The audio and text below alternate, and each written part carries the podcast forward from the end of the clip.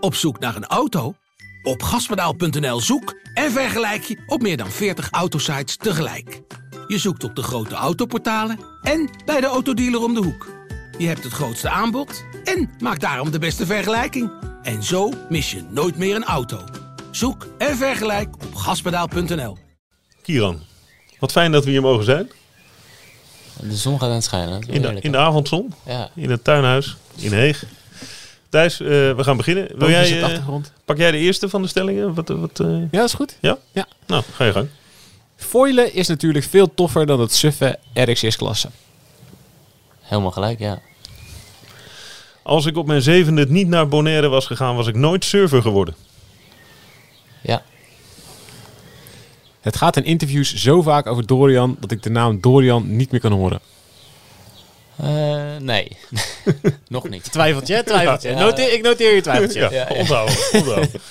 Ehm, de vierde. Ik ben vooral gaan surfen om indruk te maken op de meisjes. Nee. Niet eens. Ik steek kaarsjes op voor windkracht 6 in Tokio. Zeker weten. Ik ben zo zwaar favoriet dat ze me die gouden medaille net zo goed nu al kunnen geven. Nee, nee, alles behalve. Nee. Dat hele doe maar relax surfsfeertje is eigenlijk ook wel een beetje nep. Nee. Nee, niet eens. Liever een broodje pom dan een broodje kaas. Ja. Ja, ja. Ben ik het wel mee eens over. Ja, En de laatste. Ik zou gaan halen als ik geen Hagenees zou zijn. ik zou Ja. best nog wel... die ken ik dus niet. Nou. Nee. Maar ik ben geen echte Hagenees, hè. Dat is Nee, het. nee. Ik ben, eh, ik ben een import Hagenees. Maar als ik zit, ik zit wel lekker op mijn plekje daar. als je succes hebt, dan word je al heel snel Ja, aangenezen. ja, ja nee, dat wel. Maar eh, nee, ik voel me steeds meer Hagenees, maar nog niet helemaal. Maar komt. Ik ben niet van plan weg te gaan, dus dat is wel eh, goed vooruitzicht. Ja. Je hebt nog geen Haagse accent. Nee, nee, nog niet. Ik loop wel veel door de stad en ik hoor ze hier en daar wel, maar ik, ik heb hem nog niet overgenomen. Wil je nog ergens op terugkomen? Eh nee, ja, ik... nee, inderdaad, die twijfel bij, eh, bij Door. Door zijn naam komt wel veel voorbij, inderdaad. Ja, maar, dan gaan we, die, kan- die, die gaat nog voorbij komen. Ja, dat geloof ik ook. Maar nee, die, ik ben hem nog niet zat. Omdat het ook wel vaak in de link met mij gaat. Dus dat is wel, eh, weet je, het gaat wel altijd over wat we samen hebben gedaan. En dat is ook wel gewoon heel, ja, deels gewoon waar. Dus ik ben hem zeker nog niet eh, zat, die naam. Maar als hij nog drie jaar doorgaat, dan, eh, dan is het ook wel weer gewoon een keer mooi geweest. Staat genoteerd. Ja, komen we zo nog op terug. Laten we beginnen bij het begin. Ja. Ehm, een van de stellingen was je, eh, je gang richting Bonaire. ja. Vertel, hoe, hoe ging dat toen? Eh, nou, dat was toen best wel apart voor mij. Want ik was, eh, ik was volgens mij zes of bijna zeven inderdaad toen ik die kant op kon gaan. En, eh, Waar woon je in Nederland daarvoor? Wij woonden in Almere toen de tijd. Eh, dus daar ook geboren. eh, zes jaar superleuk. eh nou, een beetje naar school gegaan in het begin. Vriendjes gemaakt. En toen konden we voor mijn vaders werk naar Bonaire. En ik zat alleen maar van ja, ik heb hier vriendjes en ik vind het eigenlijk wel leuk. We gaan- lekker naar school, ik kan buiten spelen. Dus ik wist helemaal niet zo goed wat ik ervan moest vinden. En nou, wij gingen uiteindelijk naar het eiland. En ook daar had ik niet gelijk dat ik zoiets had van windsurfen. En ik ga dat doen. En ik kwam er echt pas vrij laat achter dat je dat ook kon doen daar. En ik was daar gewoon lekker mijn leven als nou, scholier, eh, lekker aan het buiten spelen. Dat, dat, ik was aan het voetballen ook, zonder enig succes, maar, maar ik vond het wel hartstikke leuk. En ehm, echt pas op mijn negende verjaardag, we gingen uiteindelijk terug op mijn tiende, ehm, kreeg ik een windsurfles. Van, of uh, stelden mijn ouders voor, van, zou je dat een keer eh, gaaf vinden om te doen? Dus echt pas vrij laat in het hele stadium kwam, kwam windsurfen aan bod. Ehm, maar ook wel gelijk in eh, nou, dat ik een drie lessen proefpakket kreeg. En na drie lessen had ik wel voor mezelf besloten, dit is wel hetgene wat ik wil gaan doen. En dat voetballen, ja, als ik daar even geen tijd voor heb omdat, eh, omdat ik wil gaan windsurfen, dan moeten we daar misschien maar mee stoppen. Maar je vader, die, die, die trainde je toch? Die was voetbaltrainer. Ja, maar die was niet mijn trainer. En misschien was dat ook maar beter zo, want ik was niet zo heel, erg- heel erg succesvol. En misschien had hij dan eh, af en toe even zo zijn hand voor zijn oog gedaan. Maar nee, die, die is wel, eh, ja, die is fanatiek voetballer. Die vindt dat hartstikke leuk. Eh, maar die zag ook in hoe gaaf ik dat windsurf vond. En met hoeveel plezier ik naar dat water elke dag ging. En dat, ja, dat staat uiteindelijk voorop eh, bij je kind. Als hij gewoon plezier heeft in wat hij doet. Ongeacht of dat nou de sport is die nou, jij dan leuk vindt. En uiteindelijk is dat net niet wat hij, eh, wat gaat doen. Hij vond het gewoon super, super belangrijk dat ik lol had. En dat had ik echt in dat windsurfen. Eh, Even, even puur in waarom was je slecht in voetballen? Ik had echt geen coördinatie. Ik, eh, ik, ik was veel te traag met, met het begrijpen waar de bal dan heen ging en dat ik daarheen moest gaan om de bal op te pakken. Dat, dat, dat, die link kwam bij mij niet. Dus ik zag de bal gaan, hij was ergens. Toen pas ging ik er naartoe rennen. En toen ging de bal weer ergens anders heen. En toen, ja, dan, oh ja, dan moet ik daarheen rennen of juist niet. Ik, ik snapte dat hele spelletje niet. Je was wel lekker aan het rennen. Ik was heerlijk aan het rennen. Heerlijk aan het rennen. Ik ging uiteindelijk ook keeper. Maar dat was ook niet zo'n idee. Want ik had ook dan, kwam de bal op me af en had ik pas heel laat door, oh, ik moet er echt naartoe duiken om hem tegen te houden. Dus ja, al met al was het gewoon eh, ja, voetbal en, en ik zijn geen match, eh, geen match voor elkaar. Nee. Was dat de gelukkige periode, die paar jaar Bonaire? Ja, nou ja, ik vond het echt super, super gaaf. Echt, eh Bonaire staat nog steeds. Ik ben er niet terug geweest sinds ik daar wegging, dus dat is ook nog wel een dingetje. Maar het staat nog steeds in mijn, in mijn hoofd. Het is echt een plaatje van een paradijs. Ehm, ik was nou, tussen 6 en 10 jaar oud. Eh, ik ging naar school en we waren elke dag om half één klaar, omdat het te heet werd. Eh, het werd te warm. Ja. Dus je begon wat eerder en dan was je ook vroeg klaar. Eh, ik kon de hele middag lekker buiten spelen, door, die, door de jungles lopen, bomen te bouwen. En ik vond het hartstikke gaaf. En uiteindelijk ook gaan windsurfen. En dat heeft het hele plaatje wel compleet gemaakt. Met ook de, de stranden, het water. eh, het gewoon echt ja, lekker buiten spelen als kind. En dat vond ik echt super gaaf. Ja, waarom ben je niet teruggegaan? Ik heb daar ja, deels omdat je in, in mijn hele carrière, of nou, carrière, in mijn hele sport, eh, eh, mijn, nou, mijn bestaan als topsporter, heb ik gewoon vrij weinig tijd gehad daarvoor. Eh, dus telkens als je dan een periode vrij bent, omdat we ook veel reizen, hebben ze iets van thuis is best wel lekker om te zijn. Dan wil je even gewoon ja, die twee weken dat je vrij bent, toch wel in Nederland, je vrienden zien, je familie zien. En heb je daar ook eigenlijk vrij weinig tijd en behoefte aan. En het, is, het staat als zo'n magisch plekje in mijn, in mijn gedachten nu. Dat ik een beetje bang ben dat als ik terug ga, het eigenlijk heel erg gaat tegenvallen. En dat heeft mij ook wel heel erg lang ervan weerhouden van... Weet je, ik vind het nu, lijkt het mij echt nog steeds geweldig. Van ja, Bonaire, dat is hartstikke gaaf. Het is een super groot, mooi eiland. En ik ben bang dat als ik nu terug ga, dat ik zoiets heb van... Oh, eh, weet je, was dit het nou eigenlijk? Ja, dat een hele... Het is een paar vierkante kilometer. Ja, ja, dat hele beeld dat ik ervan heb als toen ik daar als jochie heb eh, lekker heb lopen rondslenteren, dat dat een beetje weg is. Maar ik, ik ga wel ooit terug. En ik zit eh, nu wel op het punt dat ik zoiets heb van nou, misschien als ik naar die spelen tijd heb en ik kan even een gaatje ergens vinden, ja, dan ga ik wel even daar kijken. Kijken hoe het nou is. Ben je wel in Suriname geweest? Jouw vader komt uit Suriname? Ja, mijn vader is er ook nog nooit. Nee? Nee. Wat een gemiste kans. Ja, nee, het staat ook echt, dat staat wel echt heel erg op mijn verlanglijstje. Om daar ooit nog een keer eh, naartoe te gaan. We hebben ook nog best wel veel familie daar wonen. Eh, dus het is in principe super makkelijk om daarheen te gaan. Eh, alleen ja, ik, ik kon voor mezelf nooit de tijd vinden. Toen, het moment dat ik interesse kreeg om erheen te gaan, toen ging ook mijn topsportleven. En toen, ja, weet je, datzelfde verhaal als net. Als je dan zoveel die wereld over reist en je bent dan thuis, Ja. hecht je ook heel veel waarde aan gewoon echt thuis zijn. ja. Ga je niet nog eens een keer je koffers Ja, pakken? je, dan, eh, je leeft al uit je koffers. En op het moment dat je dat dan even niet kan, dat, ja, daar ga je echt wel heel veel waarde aan hechten. Toen ze, hoeveel dagen per jaar ben je van huis? Eh, als we echt een druk jaar hebben, eh, toch wel tegen de acht maanden aan per jaar. Ja. Ja, dat, ja, dat is aardig wat. dat moet je ook leuk vinden. Ja, zeker. En ik, ja, ik merk stiekem wel dat dat over de laatste jaren is daar gewoon een shift in gekomen. Ik ben als, als jong broekje begonnen. Eh, volgens mij 14 ging ik voor het eerst zonder mijn ouders weg. Vond ik hartstikke geweldig. En nou, toen kwamen al die reizen erbij. En, en zoveel, per jaar, zoveel tijd per jaar weg. Vond ik hartstikke gaaf. En echt, eh, nou, ik wilde niks anders. En nu merk ik toch wel eh, dat ja, thuis in, in Den Haag dan, bijna mijn stad, ja, is toch ook wel echt heel, heel fijn om te zijn. En, en ja, weet je, daar ga je dan gewoon meer waarde aan hechten. En dan ga je toch wel proberen, nou, dan gaan we iets langer hier zijn. Gaan we kijken of we misschien hier ook wat meer kunnen trainen. En in dat stadium ben ik nu wel, dat ik gewoon ook heel veel van mijn training die ik voorheen in het buitenland deed, ook wel hier nu ga, ga invullen. Hoe, hoe doen surfers dat als ze weg zijn? Lig je dan samen op een kamer of lig je dan alleen? Dat kan allebei. Ik heb vaak genoeg een kamer moeten delen met bijvoorbeeld Door. Eh, als we dan in Nieuw-Zeeland waren en we kwamen in eh, nou, we, we huren meestal een huis, want die hele hotelsetting, omdat we vaak wat langer weggaan, wil je toch wel een beetje een thuisgevoel creëren. En als je in een hotel zit, heb je wel vaak het gevoel van, oh ja, ik ben ergens anders en ik, het is niet echt mijn plekje. Ehm, en omdat we dan langer naar zo'n locatie gaan, heb je wel hechten wij heel erg veel waarde aan het feit dat we ons thuis voelen. En dat heb je dan toch wel iets sneller in een huiselijke setting dan in een hotel. Dus vaak huur je dan een huis. En ja, soms heb je niet altijd de luxe dat het evenveel kamers heeft voor iedereen. En ja, je moet eh, degene die het kortste eind trekt een, een kamer delen. Het is vaak je wel gewoon het huis inrennen en de, de eerste kamer die je ziet waarvan je denkt hier wil ik slapen, die claim je gelijk. Ja, dat is de selectie. En als je, dan, ja, als je dan als laatste die deur binnenkomt en of als laatste twee en denkt, oh ja, shit, eh, wij moeten waarschijnlijk deze kamer gaan delen. Ja, dan ben je, dan ben je al de. Maar er is geen eh, hiërarchie. Gewoon niet de beste, die krijgt de mooiste kamer. Nee, nee, dat probeer ik wel. Nu, nu ik de beste ben, probeer ik wel te zeggen, jongens, dus die hiërarchie moet er wel zijn. Nee, die is, die is er af en toe. We hebben wel eh, bij een, en dat is voornamelijk met de coach. Eh, weet je, ook als die bij ons in huis zit dan, eh, en we zitten ergens en we gaan ergens trainen, die rent ook gewoon naar binnen en kamer. Eh, maar als we een wedstrijd hebben en het is een WK of dan ook het serieus, dan is het wel gewoon, oké jongens, kiezen jullie om je kamer. En Aaron die zegt eh, desnoods slaap ik op de bank, maar ik, ik kies als laatste.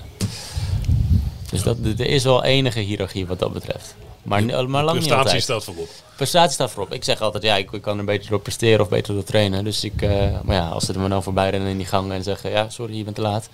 ja, dan eh, loop je ook weer achter de feiten aan. Dat daar niet eens een beetje structuur in zit. Ja, ik ben toch benieuwd waar dat wel echt zo is. Ja, dan moet je wel echt zo'n zo'n apenrotstructuur hebben. Nou ja, het is ook wel leuk. Je hebt altijd kans op een, op een mooie kamer voor je alleen. Je moet alleen wakker zijn. Ja, je moet scherp zijn. Ja. En weet je, het triggert, het triggert gewoon je hele topprestatie. Ja. Niet alleen op het water of tijdens de trainingen, maar ook, Ook vanuit het vliegtuig. Ja, Gewoon in één keer. Ja. In eerste die taxi en dan gelijk de deur dicht en gaan. Nee, het is, het is wel grappig. Het is wel die mentaliteit inderdaad. Je gaat, eh, je gaat voor de winst wat dat betreft.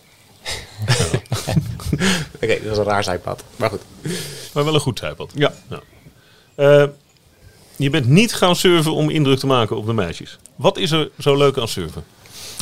Nou, het is die. eh, weet je, ten eerste. Het gevoel wat je krijgt als je zo'n zo'n storm trotseert. Het waait achterlijk hard. Het is net een beetje koud. Het regent. Je gaat naar buiten. Je bent een klein beetje bang.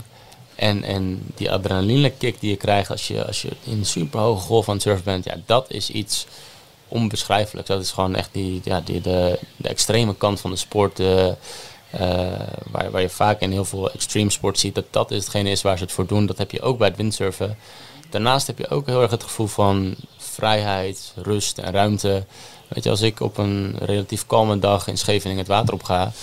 ehm, het is, ik denk een beetje vergelijkbaar met fietsen. Je kan overal komen waar je wil. En je kan je ziet zeg maar niet waar je kan komen. Maar je hebt wel het besef van ik, kan, ik zou in principe helemaal naar Engeland kunnen surfen, al zie ik Engeland niet. En dat, dat idee van ik heb al die ruimte om nu mijn eigen ding te doen wat ik zo gaaf vind, ja, dat maakt het ook wel echt heel mooi. Heb je het eens gedaan? Nee, Naar Engeland gesurfd? nee, nee, nee. Ik ben wel echt iemand die aan het kijken is naar die, naar die, zeg maar, die, die long distance, die marathon adventures. Eh, en dan willen we straks gaan beginnen met inderdaad naar Engeland. eh, misschien om alle Waddeneilanden heen, eh, richting Denemarken, een keer surfen. Maar daar gaat wel enigszins een, een kleine logistieke planning aan, aan vooraf. Maar dit is echt wel iets wat, wat bij mij heel hoog op mijn verlanglijstje staat. Ja. Ja, ik kan het moeilijk in. Engeland aankomen en dan... Ja, nu met die Brexit is het helemaal moeilijk. Weet je ook niet of je je paspoort moet meenemen of niet. Maar nou, het is wel gaaf om, om, om dat soort dingen te doen. Weet je. Je, hebt, je hebt dat boord, je hebt dat zeil. Met die wind, je kan overal komen waar je in principe zou willen. eh, mits je er de tijd voor uittrekt. Eh, het lijkt me ook heel gaaf om een keer door bijvoorbeeld door Indonesië een soort eilandentrip te maken. Weet je, al die eilanden af van de een naar de ander.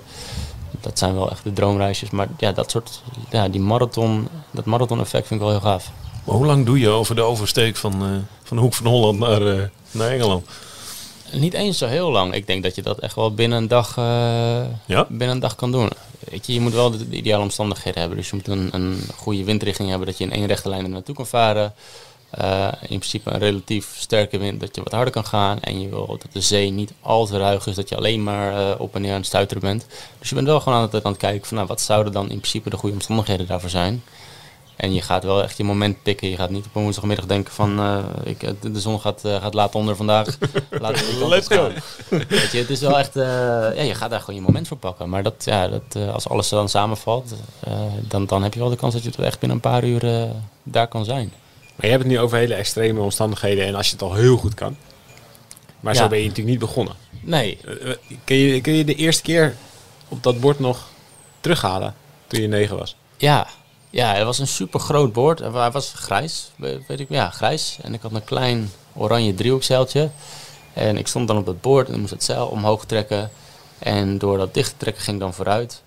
En ik ging eigenlijk al terwijl ik nog niet eens door had wat ik aan het doen was. En ik merkte dat ik eh, recht op een rif af aan het varen was. En daarop vast kwam te zitten. En toen had ik zoiets, ja, ik weet helemaal niet wat ik aan het doen ben, hoe ik hier kom. Het laatste wat ik wil is nu dat rif op gaan staan, waar allemaal van die scherpe steentjes liggen en eruit lopen. Dus ik ben op mijn boord gaan wachten. Uh, totdat mijn instructeur, die wel gewoon dacht, ja, dat rif is helemaal niet zo scherp, jongen, stel je niet zo aan, er overheen liep en mij er vanaf trok. Uh, maar dat was mijn eerste ervaring. Ik, ik pak dat ding op, ik ga en ik kom vast te zitten. En ik ja, en nu? Ik weet eigenlijk nog helemaal niet wat ik aan het doen ben. Maar, maar daar, weet je niet, daar weet je niet bang van? Nou, in zoverre bang dat ik niet dacht, ik spring even van het bord af, ik trek hem weer naar. Dan je, nou, in Bonaire heb je van dit hele mooie zand waar je dan uh, gewoon in kon staan. Het was uh, heupdiep, het water. Ik dacht niet, ik, uh, ik loop even over dat rif heen, daarheen en ik ga weer verder. Ik had wel echt zoiets van, ik kom niet van, de ik kom niet van het bord af, ik blijf hier wel voor wachten. Ik heb wel eens een, ik heb wel eens een zeilkamp gehad. Want notabene nog wat latere leeftijd. Maar dat ik echt compleet stuurloos ergens naar de overkant van het meer. Ik had geen flauw idee. Ik wist niet hoe ik tegen de wind. Niemand wist ook waar ik was. ik dacht, nou ja, dit is niks voor mij. Maar jij, jij trekt dan de conclusie op dat moment. Ja, nog een keer proberen. Ja, nee, ik had wel het idee van ik wil het nog een keer proberen. En ook omdat uh, ik kreeg dan drie lessen voor mijn verjaardag. Dus ik had wel zoiets met mijn ouders. Van, of vooral mijn ouders hadden... Je gaat gewoon die drie lessen afmaken. En Wie wie daarna- idee was dat? Van, van je vader of van je moeder? Dat zou ik eerlijk gezegd niet weten. Hm. Ik, ik, als, ik nu, als ik dat nu zou moeten gokken, denk ik toch wel mijn vader. Maar ik, ik weet niet wie daar ooit mee kwam. Dit, want dit, zonder dit idee was je hier never nooit gekomen. Nee, zonder dat idee, zonder die, die, ene, van, die ene vraag van wil je dat een keer voor je verjaardag als windsurfles gaan, eh, gaan doen, was, was nou, alles wat er daarna is gekomen ook... eh, ik denk überhaupt, als wij niet naar Bonaire waren gegaan, had ik dat ook nooit, had ik nooit hier gezeten. Maar was dat omdat je in, in ja, windsurfen in Almere niet echt heel erg eh spectaculair nee. is of heel erg aanlokkelijk is? Het, het is gewoon niet bekend. Weet je? En, en de reden dat ik een windsurfles kreeg op Bonaire was omdat daar eh, de lokale eh, van, die, van die reclameborden bij een bushokje, dat was gemaakt met windsurfers. En op de tv had je kleine reclameblokjes van windsurfers. In plaats van waar je dat hier in Nederland met voetballers hebt, met hockeyers, eh, met, met toch wat nou, de Nederlands bekende sporten. Had je dat Schaatsers. daar op, ja, schaatsers inderdaad. Had je dat daar op het eiland met windsurfers. En zo kwamen mijn ouders erachter van, nou, dat windsurfen best wel een grote sport hier. Of op het eiland is dat vrij populair. En toen kwam die gedachte van, nou, wil je dat ook eens gaan, gaan proberen? En misschien vind je dat wel hartstikke leuk. Maar ik denk, als we daar, als we daar niet waren geweest, was in dus er waren daar veel meer kinderen van negen die daar begonnen met windsurfen. Ja, ja nee, ik was, eh, ik was, ik was nou, veruit niet de jongste die daar... eh Nee, je op- was op- laat. op planken- Ik, Ja. was, eh, ik was vrij laat. Ja. Er waren jochies die, die met zwembandjes om het, water op gingen. Ja, ja.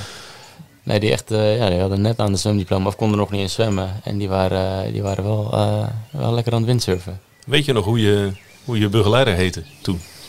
Ik weet dat eh, ik heb de eerste les gehad van een vrouw, die zou ik niet meer kunnen herinneren. En daarna kreeg ik een paar lessen van Ronald. ja, Ronald. Als je me nu vraagt hoe hij eruit ziet, geen flauw idee. Maar de naam Ronald is, is blijven hangen. Ja. Ja. Zou hij nog weten, wie, zou hij weten dat jij degene was die dat kleine jongetje was die op dat rif... eh, Nee, nee, ik denk niet. Weet je, die gasten, dat is, eh, die, die krijgen zoveel van die toeristen over de vloer. Eh, die zijn elke dag windsurfles aan het geven. Die houden ook niet bij wie, wat. En ik denk ook niet dat hij mij zou... Ja, misschien dat hij denkt, ja, lang dun jongetje, die heb ik ook op, eh, op de plank gehad. Maar ik, ik gok het niet. Nee, ik denk niet dat hij, dat, eh, dat hij me zou herkennen eruit. Het is wel jammer eigenlijk. Nou ja, En dat zou, dat zou Ronald zijn, zijn verhaal zijn in, in elk eh, cafégesprek. Ja. Weet je wie ik... ja. Zie je die gozer die Ja. daar wereldkampioen is? Ja. Heb ik geleerd. Ja, ja. En dan die vrouw erachteraan. Ja, ja, Nee, maar, hoor, ja, de maar eerste ik was keer, eerst. Ja. Ehm, en dan ga je terug naar Nederland.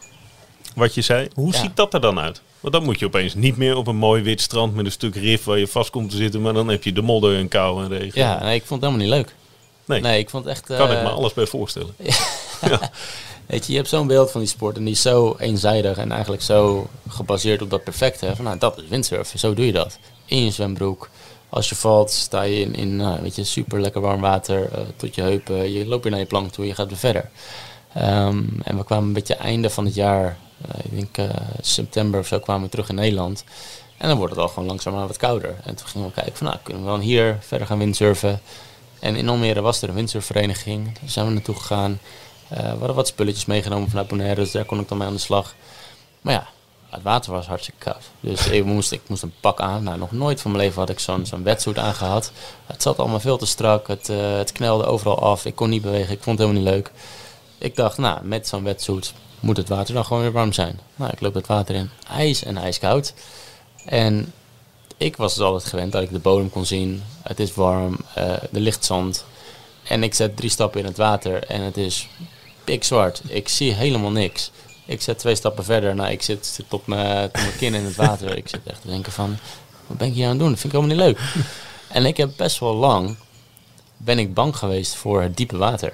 Dat is echt heel apart. Maar omdat ik overal gewoon kon staan in Bonaire, vond ik dat een hartstikke veilig idee. En in Nederland ging ik dan windsurfen. En hoe verder ik van de kant afging, in mijn beleving, hoe dieper het water werd. En hoe ja, gevaarlijker dat dan was. En dat vond ik, vond ik helemaal niet leuk. Maar wat dacht je dan? Wat dacht je, had je het idee dat er enge dieren in zwommen? Ja, enge vissen. Ik kan verdrinken. Ik, kan, eh, ik heb echt geen... Maar van alles. Ik, ik vond het gewoon... De hele gedachte van dat ik niet kan zien wat daar onder water gebeurt, dat, dat, dat trok me echt helemaal niet.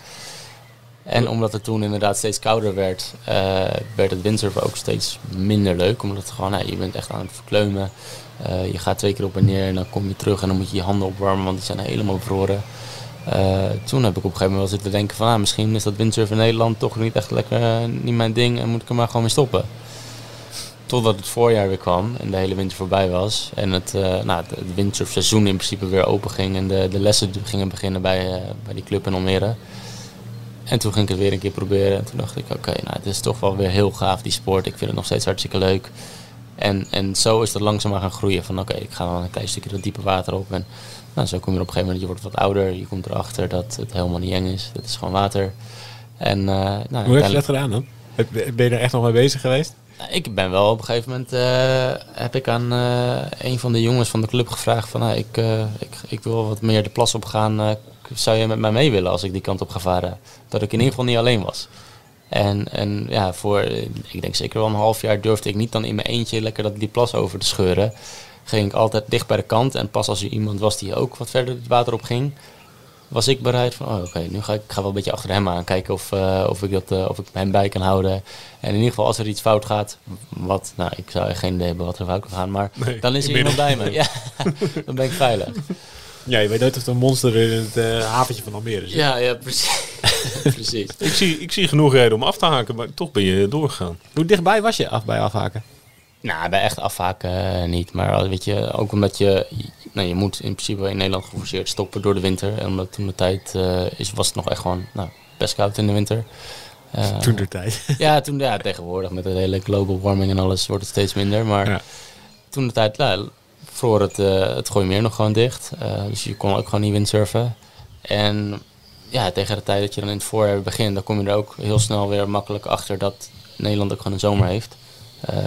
En dat het ook gewoon lekker warm is. En dan als je even over dat bruine water heen zet, is windsurfen nog steeds windsurfen. En ja, dat, dat, dat, eigenlijk de gedachte van stoppen was nooit echt heel serieus. Het was meer van, ik vind het veel te koud, ik stop er even mee. En oh ja, in Nederland is ook gewoon warm, nou laat ik het dan maar oppakken, want het is wel gewoon nog steeds hartstikke gaaf. Oh, kun je geen handschoenen eigenlijk aan met, met windsurfen? Ja, maar, maar toch, weet je, je hebt, je hebt zo'n wetsuit aan, je hebt handschoenen aan. En toch, doordat het water zo koud is en die wind die, eroverheen, die eroverheen komt, ja. ja het, het, verkrampt gewoon allemaal. Je handen gaan tintelen, het begint te branden. Het is echt, uh, het is echt afzien in de winter hier. Ja. nat, en, nat en kou is natuurlijk echt een hele slechte combi. Ja, ja nee, die combi is niet, uh, niet ideaal. En ja, dan heb je windsurfen in de Nederlandse winters, dan ook niet uh, een lekkere combi. Nee. Wanneer kwam je erachter, ik ben goed? Dat is een, dat is een heel specifiek moment geweest. Oh. Um, dat was op mijn uh, eerste jeugd-WK. Uh, dat was ja, voor... oh, jeugd-WK. Weet je hoe goed je al moet zijn om naar een jeugd-WK te gaan? Ja, maar dat, dat stelde in Nederland dan, of tenminste eigenlijk stelde dat nog niet eens super veel voor. Omdat windsurf is een vrij kleine sport. En um, even om, om daarvoor een verhaal uit te leggen. Ik, ik kon bij de Nederlandse jeugdselectie komen omdat er daarvoor geen jeugdselectie was. Uh, dus die werd in een nou, jaar of 2006 werd dat opgezet. Dacht van, nou, weet je, we willen de jeugd in Nederland weer gaan begeleiden, gaan trainen om die op te leiden naar een Olympisch traject. Uh, laten we beginnen met een clubje van zes. En toen is een beetje gaan rondkijken in Nederland van, nou, wat zijn kids die op zich wel aardig goed kunnen varen. En die hebben ze allemaal gevraagd van, zou je dit willen of zou je dit niet willen? Ehm, en ik ben een van die zes die is uitgenodigd. Er zijn er meer uitgenodigd, maar uiteindelijk zijn er zes geselecteerd daarvoor om daarin mee te gaan. Ehm, maar dat zullen niet een, selectie uit duizenden zijn zoals je dat bij de voetbal hebt bijvoorbeeld. Um, dus het, waren, ja, het was echt een clubje van zes en daarmee gingen we dan naar het jeugd-WK. en op dat WK kwam ik erachter dat je uiteindelijk met windsurfen je vaart een week lang wedstrijden. En degene die over de hele week gemiddeld het beste vaart, die wint. Uh, dus je kan heel de week lang elke race derde worden. En dan kan je alsnog winnen als niemand het beter heeft gedaan. Maar waar ik achter kwam, is dat ik meer races had gewonnen dan uiteindelijk uh, de winnaar van het hele event. Dus ik had bijvoorbeeld een race gewonnen, maar er tegenover stond dan misschien een laatste plek. Waardoor ik ergens in de middenboot ben geëindigd. Maar ik had aan het eind van de week drie races gewonnen. En degene die het hele event had gewonnen, had er twee gewonnen. Hm. En toen dacht ik van ja, weet je, als hij dat kan met twee races, ik heb er nu al drie. Ik moet er alleen voor zorgen dat ik al die andere races geen laatste meer ga worden. Ja, en dat is wel een besef van, ik kan dus races winnen op een jeugd Weet je, die jongens, ik, ik beschouwde mezelf toen al, omdat we van zo'n redelijk amateuristische setting kwamen. Van nou, we zijn een clubje van zes, we gaan lekker windsurfen en we gaan naar zo'n jeugd zagen we daar, er zijn echt gewoon kids al van 13, 14 keihard aan het trainen, serieus hiervoor aan het opleiden. Uh, kwam ik aan met mijn goede gedrag en vooral windsurfen omdat ik het leuk vond. En ik kon meer races winnen dan degene die zo'n event wint. Dat was wel echt een, toen een knop om van, oh ja, ik, ik kan dit best wel goed, denk ik dus. Hm. Maar waar kwam het dan vandaan? Want je zegt, je bent relatief laat begonnen. In Nederland kon je niet zo heel veel doen en het was best wel amateuristisch. Hoe, kan, hoe verklaar je dan dat je toen al won? Ik denk toch, omdat weet je, ik, ik kon in Nederland in principe genoeg doen om gewoon lekker te windsurfen. Weet je, het seizoen op een gegeven moment kwam ik erachter dat die kou, daar, kan, je, daar kan je heel veel tegen doen. Uh, het water, nou dat is allemaal niet meer zo eng. Uh, ik was inmiddels 11, 12 en ik vond het gewoon fijn om lekker elke dag te gaan windsurfen. Of zo vaak als dat kon. Uh, dus ik ben gewoon heel veel zelf gaan windsurfen. En met mijn in principe voorsprong die ik had door een jaar lang op Bonaire te leren, waar je het gewoon, nou, het waait iedere dag. Um, je kan staan, weet je, die condities zijn perfect om te leren. Je hebt een soort zesde versnelling, waardoor je heel snel heel, heel veel beter kan worden. Um, en daardoor, ik denk dat dat vooral mijn voorsprong is geweest, dat ik op Bonaire heb kunnen leren. Um, en, en al heel snel een heel goed ontwikkeld gevoel kreeg. Waardoor ik in Nederland gewoon lekker zelf kon varen en heel snel heel veel dingen kon uitdokteren. Van, oh ja, dit voelt net niet helemaal lekker. Als ik dit of dit verander, wow, nu ga ik in één keer een stuk harder. Oké, dat is goed. En zo kon ik zelf heel snel, uh, heel snel stappen gaan maken. En onbewust toch wel heel, heel goed worden.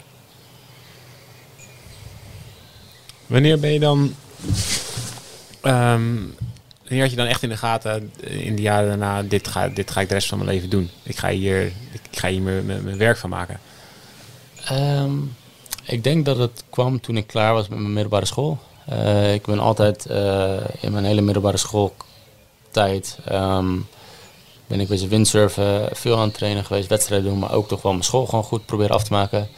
En toen heb ik een half jaar proberen te studeren. Uh, naast lifestyle coaching. Lifestyle coaching? Ja, ja.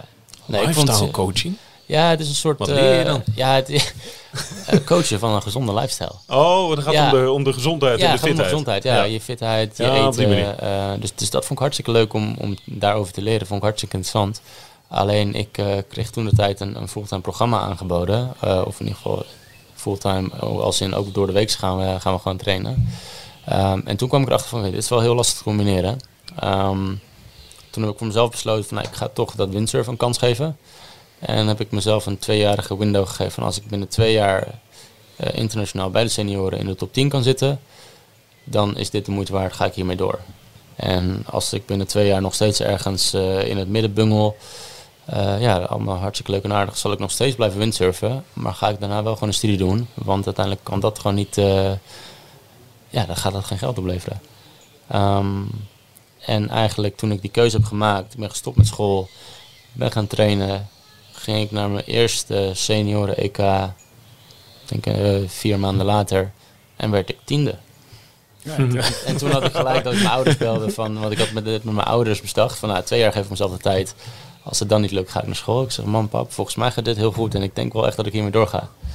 Dus dat, uh, dat was voor mij het besef toen, toen dat lukte van, ja, dit, uh, dit gaat mijn, uh, ik ga mijn hobby eventueel in mijn werk veranderen. En waren ze gelijk enthousiast?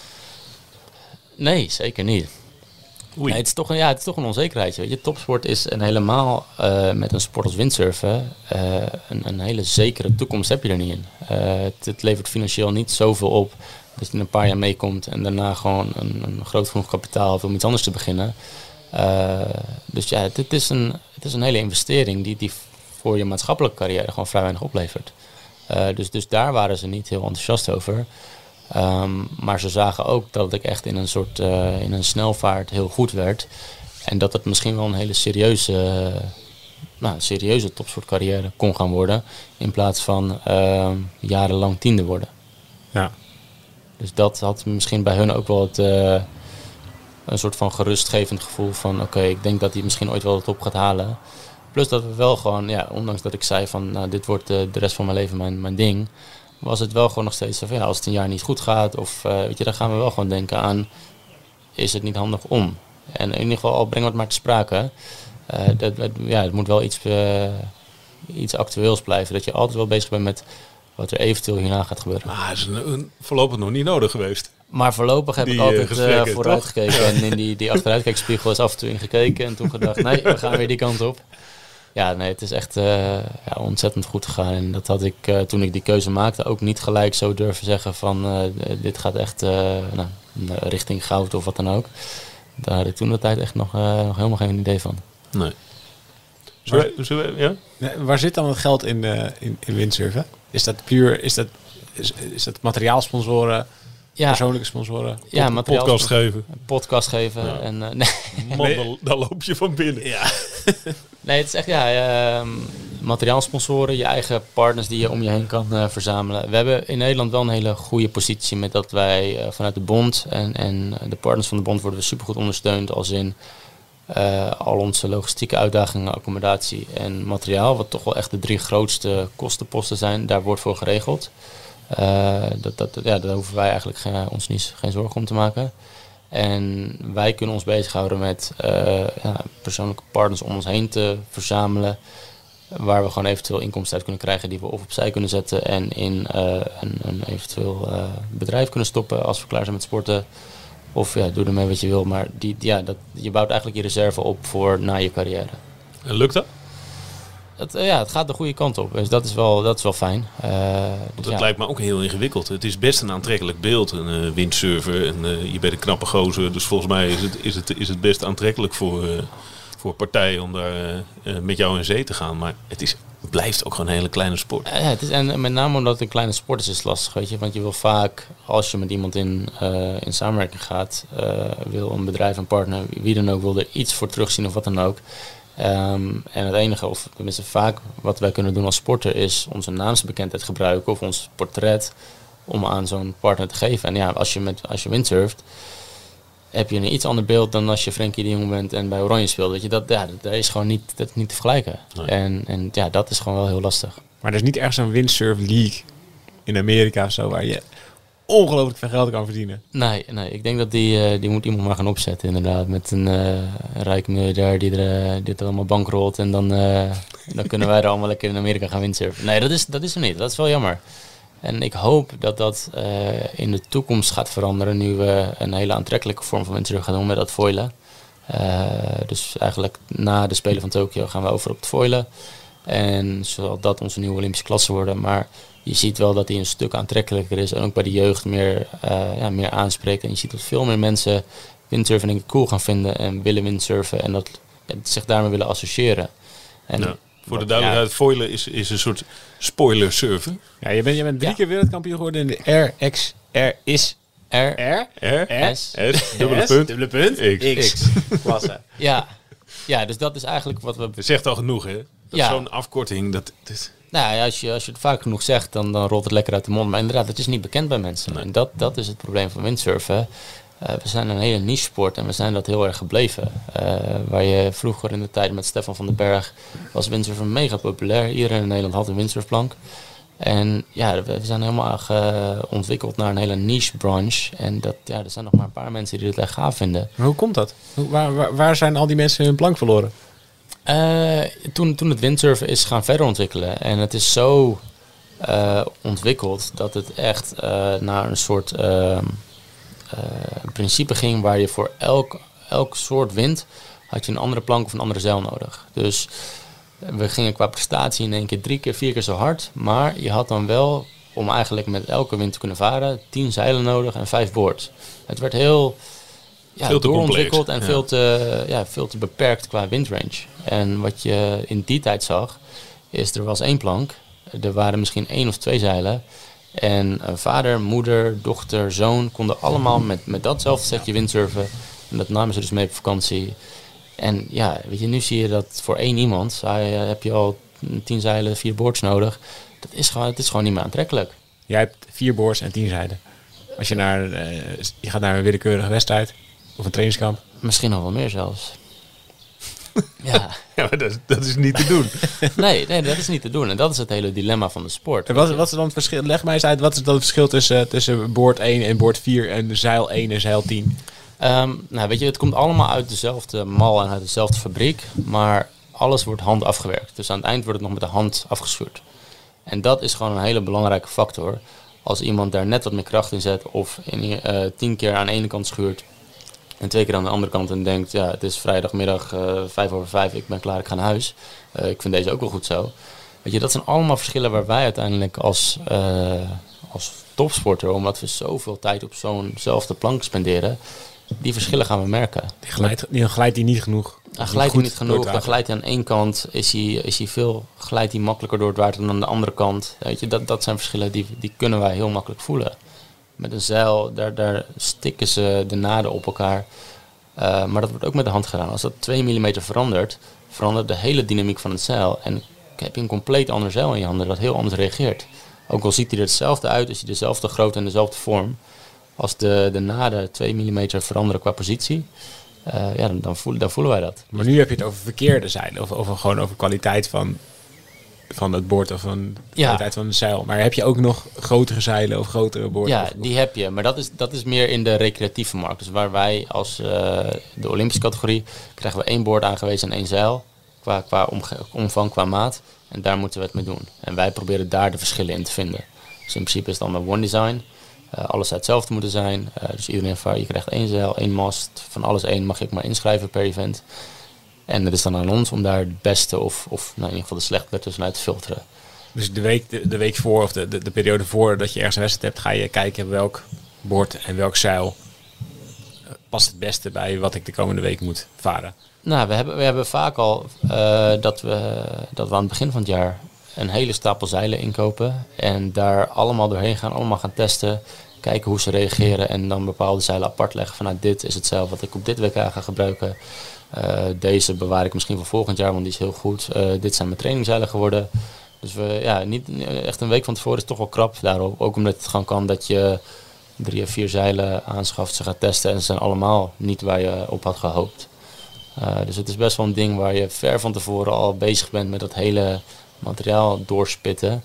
Om die ene goede te vinden, die dan apart te leggen voor een belangrijke wedstrijd. Maar is het dan net als met schaatsen dat je, dat je een, paar schaatsen hebt die zo goed passen en dat, dat je daar zo lang mogelijk mee wil doen met dat ene zeil, met dat ene boord en dat je doodsbang bent als je moet veranderen van zeil of boord? Nee, niet per se. Met boards is het wel zo. Met boards die kun, die kun je vaak wel wat langer gebruiken. Maar onze zeilen die slijten vrij snel. Uh, dus dat is waar wij naar op zoek zijn. En dat, Wat slijt er dan? Ik ben gewoon... Het, het monofilm en hoe dat gestikt zit. Het, is, het komt uh, strak uit die fabriek, maar door de krachten die erin komen, Ah, rekt dat allemaal op. En als jij op een gegeven moment veel meer vaart, dan, dan rekt dat meer op. En is de, nou, wij noemen dat de response, dus hoe snel zo'n cel reageert als hij nog wat stijver is, die is eruit. En dan is het eigenlijk gewoon meer een soort ballon of een van vaatdoek die je vasthoudt, in plaats van een heel stuig, uh, stug, stijf zeil. Ja. Dus wij zijn op zoek vaak, als we een WK willen beginnen, hebben we vaak 11 uur, tussen de 10 en 11 uur met een zeil gevaren. En tussen de 11 en de 20 hebben we peak performance eruit. Vanaf de 20 tot de 40 is het een goed trainingszeil. En eigenlijk na 40, na 40 uur is het voor ons al dat we denken van misschien moet die door naar een volgende generatie, moeten we die verkopen aan iemand die die kleine verschillen daar nog net niet uit gaat halen. Maar hoeveel zeilen gebruik je dan in een jaar? Ik heb er uh, 12 in een jaar. Joe.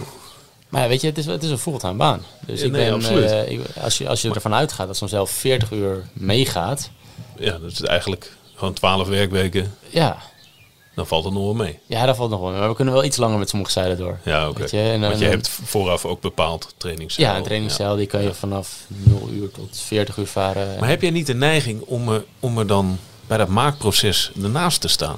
Om, om Doe het zo. Dat je dat, hierop. dat handmatige afwerken, dat je zegt, luister, ik ga nu meetellen, tien keer links, tien keer rechts, en Ja. zo wil ik het hebben. Ja, dat, dat mogen wij dus niet. Oh, dat mag niet? Ja, het, is, het wordt echt door een eh, manufacturer gemaakt in een fabriek. En die hebben een, eh, een quality control process, dus van die eh, tolerances waar ze binnen moeten zitten. Ja. Eh, maar die zijn voor ons ruim genoeg om daar echt wel grote verschillen in te zien. Eh, alleen als zij daar binnen zitten, is het volgens de norm goed en mag het gewoon ge- geproduceerd en verkocht worden. Dus je mag er niet naast staan. Je mag er niet naast staan. Mag je het niet zelf doen? Nee. Tenzij ik een eh, manufacturer word en ik moet Ja, aan met de een 50 officiële ja, moet een license. officiële Ja. license hebben en ik moet 50 zeilen volgens mij minimaal maken en verkopen. Eh, dan zou het mogen. Ehm, maar Nou, dat, verkoop je de 50 aan Lilian en dan... Ja, voor 50 aan Lilian en dan de rest hou ik. Nou ja, dat, eh, weet je, dat is, het is mogelijk, maar het is gewoon heel ingewikkeld om dat te doen. En we zijn in principe vrij goed geworden in die kleine verschillen eruit halen en dat toch wel in ons voordeel gebruiken. Heb je wel eens een, een wedstrijd verloren omdat je dacht, hey, toch net het verkeerde zeil? Bestaat zoiets? Eh, Of ligt het zo nou niet? Nee, solo ligt er niet. En, en tenminste, tot nu toe hebben we altijd eh, de luxe positie gehad. En, en de, de goede keuzes kunnen maken. Dat we voor elk event een goed zeil hebben kunnen neerzetten. Eh, en soms doe je bijvoorbeeld twee of drie wedstrijden met hetzelfde zeil. Omdat hij wel goed is en je denkt, nou hij rekt op. Maar hij is nog niet zo ver opgerekt dat ik daar nog gewoon een event mee kan varen. Maar in principe is dat ook gewoon een, ja, een keuze die, net als elke andere keuze, waar ga je starten, weet je, dat is een keuze die je maakt voor een wedstrijd. En ik vind dat heel. Ik, ik, ik zou mijn materiaal niet de schuld kunnen geven, want ik ben erbij, ik kan dat checken. Ik zou van tevoren kunnen zeggen, ik vind het wel of niet goed genoeg. Als ik de keuze maak, het is wel goed genoeg, ja, dan kan ik dat niet meer de schuld geven om, om daar een wedstrijd door te verliezen. Dus het voor Tokio heb je al uitgekozen. Eh, ja. ja, we hebben er drie, we hebben po- drie potentiële zeilen liggen, eh, die alle drie goed genoeg zullen zijn. En eh, we zullen waarschijnlijk in de komende week nog gaan fine-tunen van, oké, welke gaat het dan echt worden? Waar liggen die dan? Liggen die dan achter slot de grendel? Dan, moet je, dan ben je toch... Ja, Daar ben je heel die- zuinig op. Ja, die ben, daar ben je nog op. Die, liggen, die hebben we eind vorig jaar, of nee, begin vorig jaar zijn die aangeschaft. Eh, die kwamen zo goed door onze test heen dat we dachten van oké, dit zijn wel een potentieel hele goede zeilen. Die willen we misschien op de Speler gaan gebruiken. Daar is er ook nog niet mee gevaren. Eh, die, zijn nog vrij, ja, die zijn nog nieuw. Eh, liggen in onze loods in Scheveningen achter slot en grendel. Samen met mijn Olympische boord. Die ligt ook al klaar. Ehm, daar wordt niet meer naar omgekeken in principe. Van dat ligt daar. We weten pas, dat gaan we pas gebruiken als de spelen daadwerkelijk zijn. Maar dus het afgelopen WK, Heb ik op andere materiaal gevaren. dat je won, won je dus eigenlijk op materiaal wat dus niet het allerbeste is wat je hebt liggen. Ja, wel goed genoeg. Weet je wel, we, we, hebben, we hebben niet één zeil waar we denken van dat is zoveel beter dan de rest. Maar dat, dat waren wel zeilen waarvan we dachten, en boards, die zijn supergoed. Die zijn WK waardig. Weet je, ook al eh, zouden we moeten kiezen uit nou, die drie zeilen. Dan past dit, eh, dit zeil waar ik mee gevaren heb er supergoed tussen. Maar er is wel iets speciaals aan die andere drie waardoor die apart liggen. Er zit net wat extra's in, waardoor wij denken dat kan misschien eh, een kwart van een procent verschil gaan maken straks. Hoe doe je dit als je met het vliegtuig eh, gaat? Als jij een trainingskamp hebt ergens aan de andere kant van de wereld en je gaat zeilen testen. Allemaal meenemen. Ja, nou ja, je- ja. Nee, het is wel echt een, eh, ja, onze eh, odd size baggage claims, die zijn wel eh, royaal, ja. We vliegen echt met heel veel tassen heel vaak. En wij hebben dan wel het luxe, of tenminste het luxe binnen, we vallen onder het zeilen eh, als Olympische sport. En binnen het zeilen zijn we dan de enige klasse die met hun eigen materiaal kan vliegen. Weet je, als je een, boot vaart, eh, dat gaat allemaal in een container, daar ben je zes tot acht weken op aan het wachten.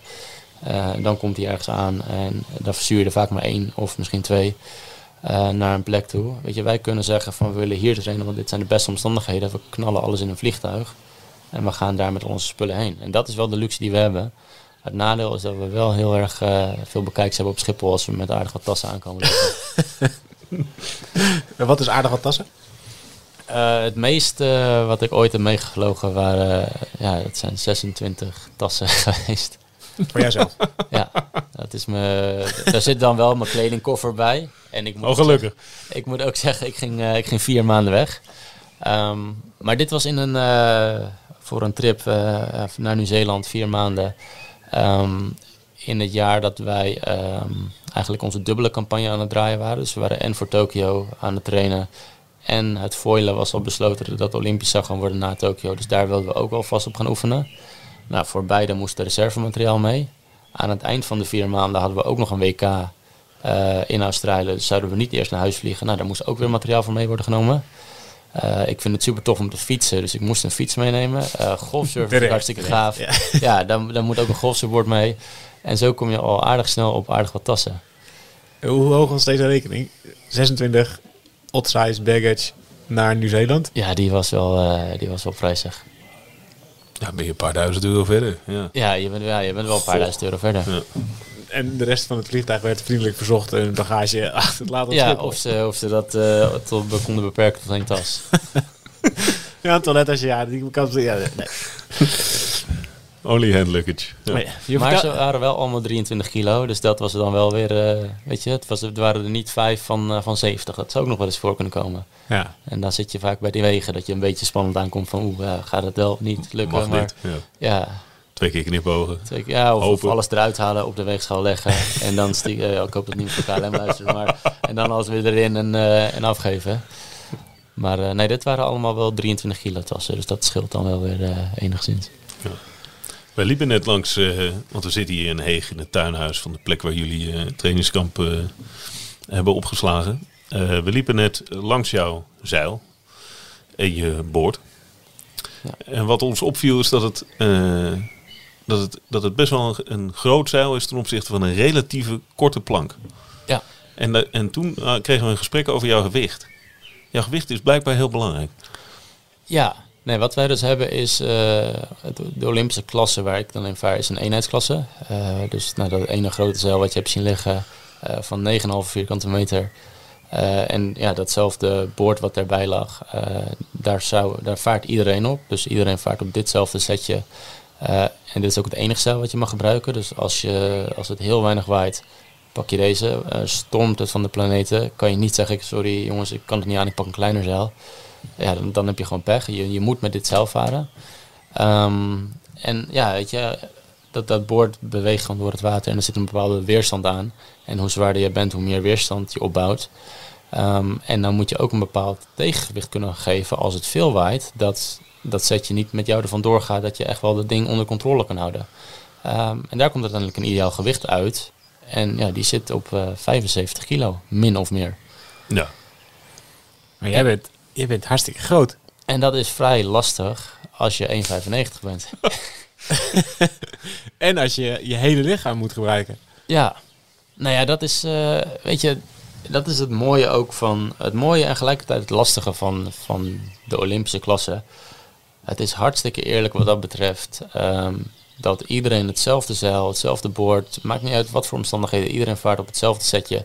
En daadwerkelijk de beste windsurfer zal naar voren komen. Aan de andere kant, als jij gewoon fysiek niet in staat bent om op 75 kilo te zitten, je bent of heel klein en je komt er nooit aan, of je bent super lang en gewoon breed en je kan nooit naar 75 kilo, dan is deze klasse eigenlijk de enige Olympische windsurfklasse al gewoon ja, verloren voor jou. En dat, ja, dat is wel een beetje krom. Ehm, maar ik vind vooral het aspect dat iedereen op hetzelfde, ja, op hetzelfde materiaal vaart en daar zo goed mogelijk mee moet omgaan, vind ik, vind ik iets hartstikke moois. Hoe zou, hoe zou jij harder gaan? Dus Als jij, kun jij, als je 10 kilo zwaarder bent en een zeil neemt wat nog twee keer zo groot is, ga je dan harder? Eh, nee, maar wat je wel hebt is als het bijvoorbeeld hard waait en ik ben zwaarder met ditzelfde setje ten opzichte van iemand die lichter is, dan zou ik harder gaan. Want ik kan meer druk in dat zeil aan, ik kan meer tegengewicht bieden, dus ik kan het meer onder controle houden en sneller accelereren. Ja. Maar als het wat lichter is en we hebben niet zoveel wind en we zijn meer door het water heen aan het ploegen, heeft iemand die lichter is gewoon veel minder weerstand en glijdt hij eigenlijk wat makkelijker over het water dan ik, die bijvoorbeeld zwaarder ben. Eh, en En dan dat moet jij harder pompen. en dan zou ik relatief gezien harder moeten pompen. Ja. Maar ja, die gast die wat kleiner is, is ook gewoon hartstikke fit. Want die weet ook van ja, dit zijn mijn condities, nu moet ik maximaal gaan profiteren. Ehm, dus dat maakt het ook wel mooi en dynamisch. Dat we dus wel een, eh, eh, een float hebben van jongens die en 60 kilo zijn. En ja, in, bepaalde condities onverslaanbaar zijn en dan hopen de schade te kunnen beperken in andere condities. We hebben jongens op het ideale gewicht zitten die eigenlijk allround vrij goed zijn. En we hebben jongens die iets zwaarder zijn. Die denken, ja, als de wind aangaat, hoop ik gewoon alles voor in te varen. En inderdaad, met minder wind moet ik even afzien. Uh, maar dat maakt het wel een hele mooie dynamische sport. Dat je eigenlijk nooit weet wie, er, wie er kan gaan winnen. En jij hoopt vooral op heel veel wind. En ik ben wel heel goed in, in heel veel wind, ja. En dat komt voornamelijk doordat ik vrij lang ben. Dus ook al ben ik dan 75 kilo, wat, wat vrij licht is, en op het ideale gewicht zit, ik kan mijn gewicht, doordat ik lang ben, verder naar buiten brengen. Dus verder van het zeil af. En in verhouding ben ik daarmee, kan ik meer gewicht naar buiten gooien. En kan ik dus meer druk aan in mijn zeil. Um, en ja, ja, die veel wind heeft me altijd wel heel erg goed gelegen. Moet je heel veel moeite doen om die 75 te halen? Gelukkig tot nu toe niet. Uh, ik heb geen super strikt dieet. Ik, uh, ik leef niet op sla. Ik, ik kon gewoon vrij, ja, vrij losjes eten wat ik wil. Maar ik ben van mezelf wel altijd heel erg iemand die gewoon um, gevarieerd en gezond eet. Uh, maar ja, ik had daar geen bepaald dieet voor. En ik kon altijd wel op de 75 zitten. Ik merk nu wel dat ik wat vaker naar de 77 uitschiet. En dan toch wel voor een event probeer nog even iets omlaag te gaan om wel rond dat gewicht te blijven. Um, nou is dat gelijk voor mij op dit moment helemaal niet zo erg. Omdat als we straks naar die volgende klasse over gaan stappen, zal het gewicht zeer waarschijnlijk uh, iets omhoog gaan voor ons. Omdat het weer een andere plank is met een andere dynamiek. En er komt weer een ander ideaal gewicht naar voren. En dat lijkt er nu op dat het iets zwaarder zal zijn. Dus het feit dat ik langzaamaan iets zwaarder aan het worden ben, is, uh, is heel gunstig voor het verloop van de toekomst. Dus Tokio komt net op tijd. Tokio komt net op tijd. Het had niet nog een jaar uitgesteld moeten worden. Dan, uh, dan was het lastig geworden. En hoe doe je dat? Hoe, hoe breng je jezelf uh, vlak voor een WK of een Olympische Spelen van 77 naar 75? Uh, eigenlijk gewoon heel simpel. In mijn koolhydraatverbruik gewoon iets, of tenminste in mijn koolhydraateninname iets minderen. Ja. En ik vind het heel fijn om op de, nou, het, is, het is eigenlijk totaal niet fijn, maar een heel nuttig uh, de roeiapparaat, de ergometer te zitten. Uh, het is ook een, echt een soort, ja, je, je, staart jezelf dood naar iets wat niet vooruit gaat, maar je, je zit wel eigenlijk de beweging te maken die voor het windsurfen heel specifiek is. En ja, ik, ik ga met je benen. Ja, wegduwen met je benen. Met je armen, het afmaken met je armen ja. en het weer terugbrengen om die, in die beweging weer vanuit de benen te starten. Dus dat is echt precies wat wij dus doen. Eigenlijk de pompen in horizontale ja, uh, ja, versie. Pompen in, ja, de zitversie van het pompen in principe. Maar wel met dezelfde beenkracht en ja, echt hetzelfde ritme ook. Um, en dat ben ik in principe in mijn opbouw dan elke ochtend aan het doen. Uh, niet in, intensief, maar gewoon om het hele uh, vetverbrandingsproces te stimuleren.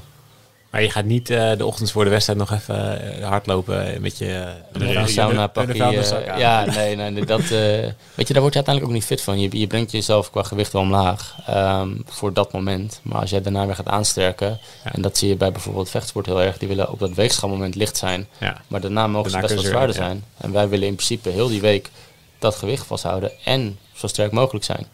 Uh, dus dat is echt een, uh, een, manier die voor ons niet zou werken. En we zouden er iets meer tijd van tevoren om echt daadwerkelijk op dat gewicht te zitten en zo fit mogelijk te zijn en dat vast te houden.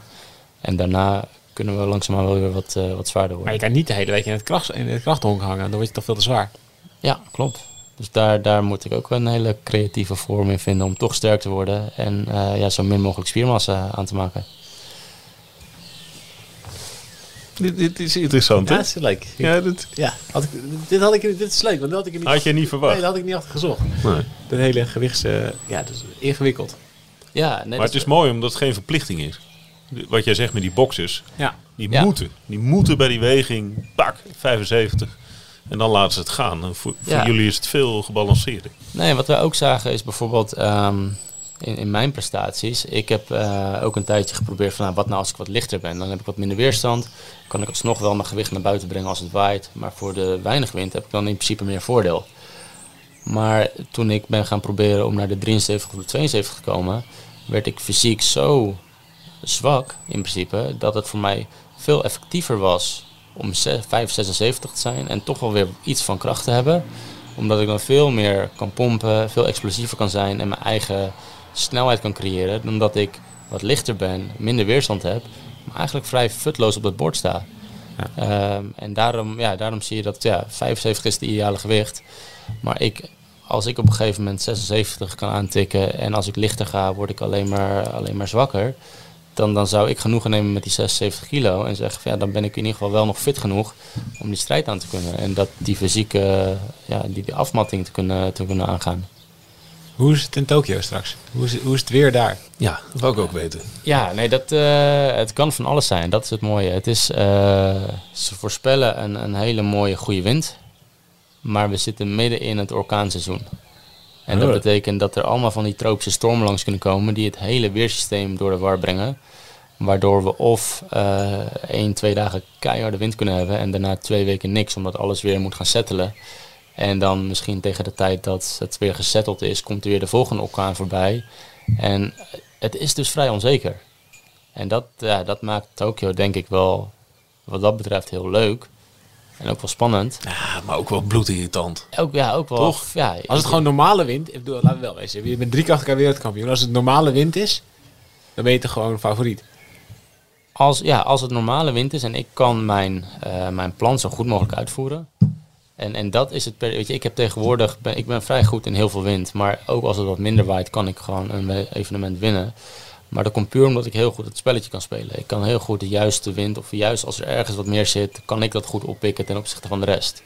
Als ik dat allemaal daar onder controle kan Hoe krijgen. doe je dat? Wat, eh, wat is, wat is de- dat je het meer aanvoelt waar de...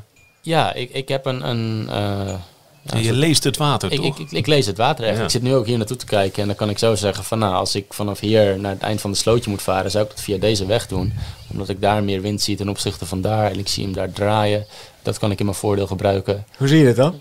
Aan de, aan de kabbels over het water. Dus je ziet dat er een kleine, een kleine ribbel op het water zit. En die gaat met een bepaalde beweging ergens heen. Eh, en dat is eigenlijk de wind die over het water heen blaast. En je ziet dat daarachter bijvoorbeeld, als we nu zo naar buiten kijken uit ons tuinhuisje, eh, is er een soort ergens eh, een wat, wat spiegelachtige glittering in. Dat betekent vaak dat er geen wind staat daar. Ehm, en aan de richting van die kabbels kan ik zien hoe de wind draait. En ik zie dat die hiervoor anders is dan bijvoorbeeld daarachter eh, qua richting. Dus dat daar de wind meer dan naar rechts is gedraaid. Dus ik zou zo kunnen zeggen dat ik hier ja, dat, toch wel dat slootje in kruis. En dan bijvoorbeeld daar een heel mooi rak helemaal naar het einde daar kan varen. Nou, en dat met eh 50 km per uur eh, En dat, staand ja. op, een, eh, op een plank. Nee, maar weet je, zo'n plan maak je van tevoren. En je bent natuurlijk wel tijdens je wedstrijd alles aan het bepalen en alles aan het checken en kijken of er geen betere opties zijn of niet. Maar van tevoren heb je al een groot idee uitgedacht van dit is in grote lijnen wat ik denk dat ik gaat gebeuren, wat ik zie nu. En, en dit wil ik gaan doen. En dat plan ga je in en tijdens dat je dat plan ingaat ben je toch wel telkens aan het checken van oké, gaat het nog allemaal goed? Zijn er betere opties ergens? Hoe lig ik ten opzichte van mijn tegenstanders? Want vaak zie je dat iedereen diezelfde wind op een gegeven moment aan ziet komen. En ja, je gaat met z'n allen er naartoe. En ook daar heb je ten opzichte van, nou, op de Spelen hebben we straks 25 jongens. Ten opzichte van die 25, waar ga jij liggen om daar het beste voordeel uit te halen? Je, dat zijn wel spelletjes waar ik, waar ik vrij goed in ben. En als ik je haalt letterlijk ook elkaars wind uit de zeilen, toch? ja, ja, je kan elkaar inderdaad door eh, dichter bij de wind te liggen, eh, de wind uit elkaar zeilen halen. Eh, waardoor hij gewoon een stuk langzamer gaat en vaak zult zien dat hij een andere koers gaat, eh, gaat hanteren. Dus dan zal hij ergens anders heen gaan varen. Eh, wat dan vaak ook de minder voordelige kant is. Of een, nee, je gaat ergens heen met een reden. En je gaat niet daarheen om vervolgens ergens een andere kant op te gaan. En dat zou ook goed werken. Tenzij, je- tenzij iemand in de war wil brengen. Tenzij je iemand in de war wil brengen. Je denkt, ik ga erheen, ik doe alsof iemand eh, de wind uit mijn zeilen neemt. Ik ga toch eh, keihard de andere kant op. Maar nee, iedereen heeft dat door, weet je. Dus iedereen weet gewoon, ja, er zit, daar staat meer wind. Weet je. Wat ik hier nu aan het doen ben, elke windsurfer, die, die zit zo naar dat water te kijken. En vooral al die jongens die naar de Spelen gaan, die doen niet anders dan dit. Die doen niet anders dan het spelletje spelen. Maar ik denk wel dat ik daar dan misschien net wat beter in ben dan de rest op dit moment. En daar heel erg mijn voordeel uit kan halen. Dus En waar komt dat door? ja, ik, ik denk toch wel heel veel, nou, inmiddels ervaring. Ik, ik, het is heel grappig, ik voel mezelf echt nog de jonkie in het veld, maar inmiddels ben ik ook alweer een van de ouderen. Eh, ik doe al sinds Hoe af ben je? Ik ben 26, bijna 27. Een van de ouderen? Ja, Zo. nee, ze zijn er ook wel, ze zijn er over de 30 en mid 30 en eind 30. Maar weet je, ik ga al vanaf dat ik vrij jong ben, eh, doe ik internationaal vrij goed mee. Weet je, vanaf dat ik 18 ben, kwam ik bij door. En zit ik al heel mijn leven, of nou, leven, vanaf dat moment zit ik in de top 10. En ben ik een, eh, nou even tussen aanhalingstekens, gevestigde naam in het veld. Eh, dus vanaf mijn 18e tot nu mijn 26e, al bijna acht jaar, ben ik in de top. En, en eigenlijk vrij voorin in het veld aan het meevaren en al die situaties aan het herkennen. Eh, dus wat dat betreft ga ik al lang mee. En, en is het gewoon heel veel ervaring die ik heb met al die scenario's een keer meemaken. eh, daar met een bepaald oog naar kijken en een keuze mee maken. En erachter komen of het wel of niet goed werkt. En, en daar de gevolgen van ja, aanvaarden, leren en, en het volgende proces ingaan. Uh, dus ja, ik denk echt dat het door de ervaring komt. En toch wel, ja, dat positiespelletje heb ik altijd heel leuk gevonden. Dat waar ga je lichten ten opzichte van je tegenstanders. Uh, om dan eerder bij die win te komen. Uh, omdat ik dat vaak met Doro hadden we dat op een op een één op één situatie. En omdat toen ik erbij kwam hij zoveel beter was dan ik, dat ik echt ja, van dat soort dingen moest ik het gaan hebben. Als ik net even wat beter kon mezelf kon positioneren om meer gebruik te maken van als er ergens meer wind stond. Dat waren de momenten waar ik hem in, uh, waar ik hem in het begin mee kon pakken. Dus dat, ja, dat is echt wel erin getriggerd, zeg maar dat, dat, dat moest ik gaan doen. Ja, zijn naam is gevallen. We hadden een van de stellingen was. Uh, je, word je niet uh, van dat. Het, nee, hij begint er zelf mee. en nou ben ik er klaar ja. Kun je vertellen hoe je bij hem, of hoe je bij hem en hoe je bij dit team terecht komt? Uh, ja, ik ben daarvoor gevraagd. Um, dat was in 2013. En dat was het jaar dat ik, hoe je het eigenlijk bij ons verbond moet zien, is je hebt een, een kernploeg. En dat is eigenlijk de jongens die om de, de van het NOC-NSF hebben en die echt aan klaarstomen zijn voor eventueel Olympische Spelen. En daaronder hebben we een talentenploeg. Uh, dus dat zijn alle vaak wat jongere mensen die dan vanuit de jeugdselectie opkomen of nog in de jeugd zelf varen, maar wel veelbelovend zijn om uiteindelijk naar zo'n kernploeg te komen. Um, ik zat toen de tijd in de talentploeg en had net besloten van nou, ik ga stoppen met mijn studie, ik ga fulltime dat windsurfen doen. Um, en ik werd uh, derde op een World Cup en nou, wat ik net zei, tiende op mijn eerste EK. Uh, en toen kwam ik eigenlijk in beeld bij nou, Aaron, de coach, en Dorian. Van, nou, misschien is dat wel een hele goede jongen om erbij te gaan halen om mee te gaan trainen. Weet je, we hadden vaak in, in Nederland zat er zo'n kloof tussen uh, generaties. Dat de Nederlandse vertegenwoordiger vaak met buitenlandse trainingspartners aan het varen was om die concurrentiestrijd aan te gaan om ja, in zo'n training zo'n situatie te creëren waardoor je zelf ook echt beter zou, kan, uh, zou gaan worden. En in 2013 zette ik zulke resultaten op de bord dat het bij hun in ieder geval iets bracht van hey, misschien is dit wel interessant om erbij te halen. Niet dat hij nu gelijk de sterren van de hemel zal varen, maar als we hem een klein beetje onder ons vleugel nemen, dan kan hij straks een hele waardevolle trainingspartner worden. En zo is dat gaan. Niet weten uh, dat je hem ja. Ja, nooit geweten dat dat uh, uit de spelen zou. Ja ja, dat het hier naartoe ging, uh, ging uitlopen. Uh, maar in dat jaar hebben we een soort uh, nou, trial periode gedaan. En we drie weken gezegd van nou, we gaan met z'n, met z'n allen trainen. Ik bij nou, Door en zijn, zijn clubje en dan met Aaron als coach erbij. Vooral omdat we ook dus de hele setting hebben waar we samen in een huis zitten. We gaan vaak ergens heen om het gevoel zo ja, comfortabel mogelijk te maken als ik het totaal niet met door kon vinden op de kant, was dat ook gewoon heel lastig geweest. Als we dan toch wel een huis in moeten, samen ontbijten, uh, weet je, zo'n hele dag doormaken. Dan had daar ook geen klik gezeten. En dan was het ook nog niet heel zeker of, ondanks dat, we alle, nou, dat ik wel veelbelovend was, of ik voor dat team echt geschikt was. Uh, dus het feit dat het en op de kant klikte en op het water kon ik genoeg laten zien waarvoor, ze, waarvoor zij zoiets hadden van... Oké, die jongen, er zit wel wat in. Uh, maakte dat we vanaf dat moment, uh, nou, september 2013, hadden gezegd: uh, laten we dit in gang zetten. En dit is wel iets wat voor de toekomst heel, heel gunstig kan gaan zijn. Maar het hele verhaal van we zijn concurrenten, maar ook echt vrienden, dat is dus ook echt waar. Ja, dat is echt waar, want, want toen kwamen we erachter. Het is niet een gespeeld, opgeblazen. Nee, Thijs altijd heel moeilijk. Media. Ja, nee, nee, dat is echt. we kwamen eerder omdat ik, ik was ook helemaal niet super goed toen ik bij Door in dat team kwam. Dus ik was echt uh, nou, de jonkie, door zeg maar leermeester. Uh, ik was toen 18, hij 24. Dus dat is qua leeftijdsverschil ook nog wel dat je een beetje zoiets hebt van... oeh, ja, er zit een, toch wel een, andere ontwikkeling uh, die ik nog moet doormaken... om een beetje bij het niveau te komen of bij nou, te komen waar hij in zijn leven op dat moment was. En toen was hij al Olympisch kampioen? Hij was al een keer Olympisch kampioen, ja. En eigenlijk is toen gewoon een hele goede vriendschap ontstaan. Omdat we super goed konden vinden. We vonden alle twee windsurfen hartstikke leuk. We hadden de grootste lol op het water. Zonder dat die concurrentiestrijd er eigenlijk al was. Ik kon af en toe door voorbij. En dat liet ik me dan ook goed weten, want ik vond het gewoon hartstikke leuk om af en toe voorbij te gaan. Maar 9 van de 10 keer ging hij gewoon uh, met nou, dat buitenlandse groep trainingspartners. Waren zij veel meer aan elkaar gewaagd en ik kon meetrainen. En zo zijn we eigenlijk uitgegroeid tot vrienden. Totdat ik steeds beter ben gaan worden. En toen waren we goede vrienden. En op een gegeven moment kwamen we op het punt van... Shit, we zijn eigenlijk bijna even goed nu. En, ja, Wanneer was dat? Um, het was het WK van 2016. eh, in die periode. Eh, dat was in februari voor de, voor de Spelen toen nog. Ehm, dat was mijn eerste medaille op een, op een wereldkampioenschap. En ik werd derde en door tweede met het gelijke aantal punten. Eh, dat was voor mij ook een besef van, hey, dat, ja, ik word nu wel derde achter hem, maar gelijk aantal punten betekent voor mij, we zijn even goed. Eh, en, en toen ben ik dat ook gaan accepteren in bepaalde vorm. Van ja, weet je, Door was altijd toch wel, nou, ik had altijd wel het idee dat Door altijd beter was.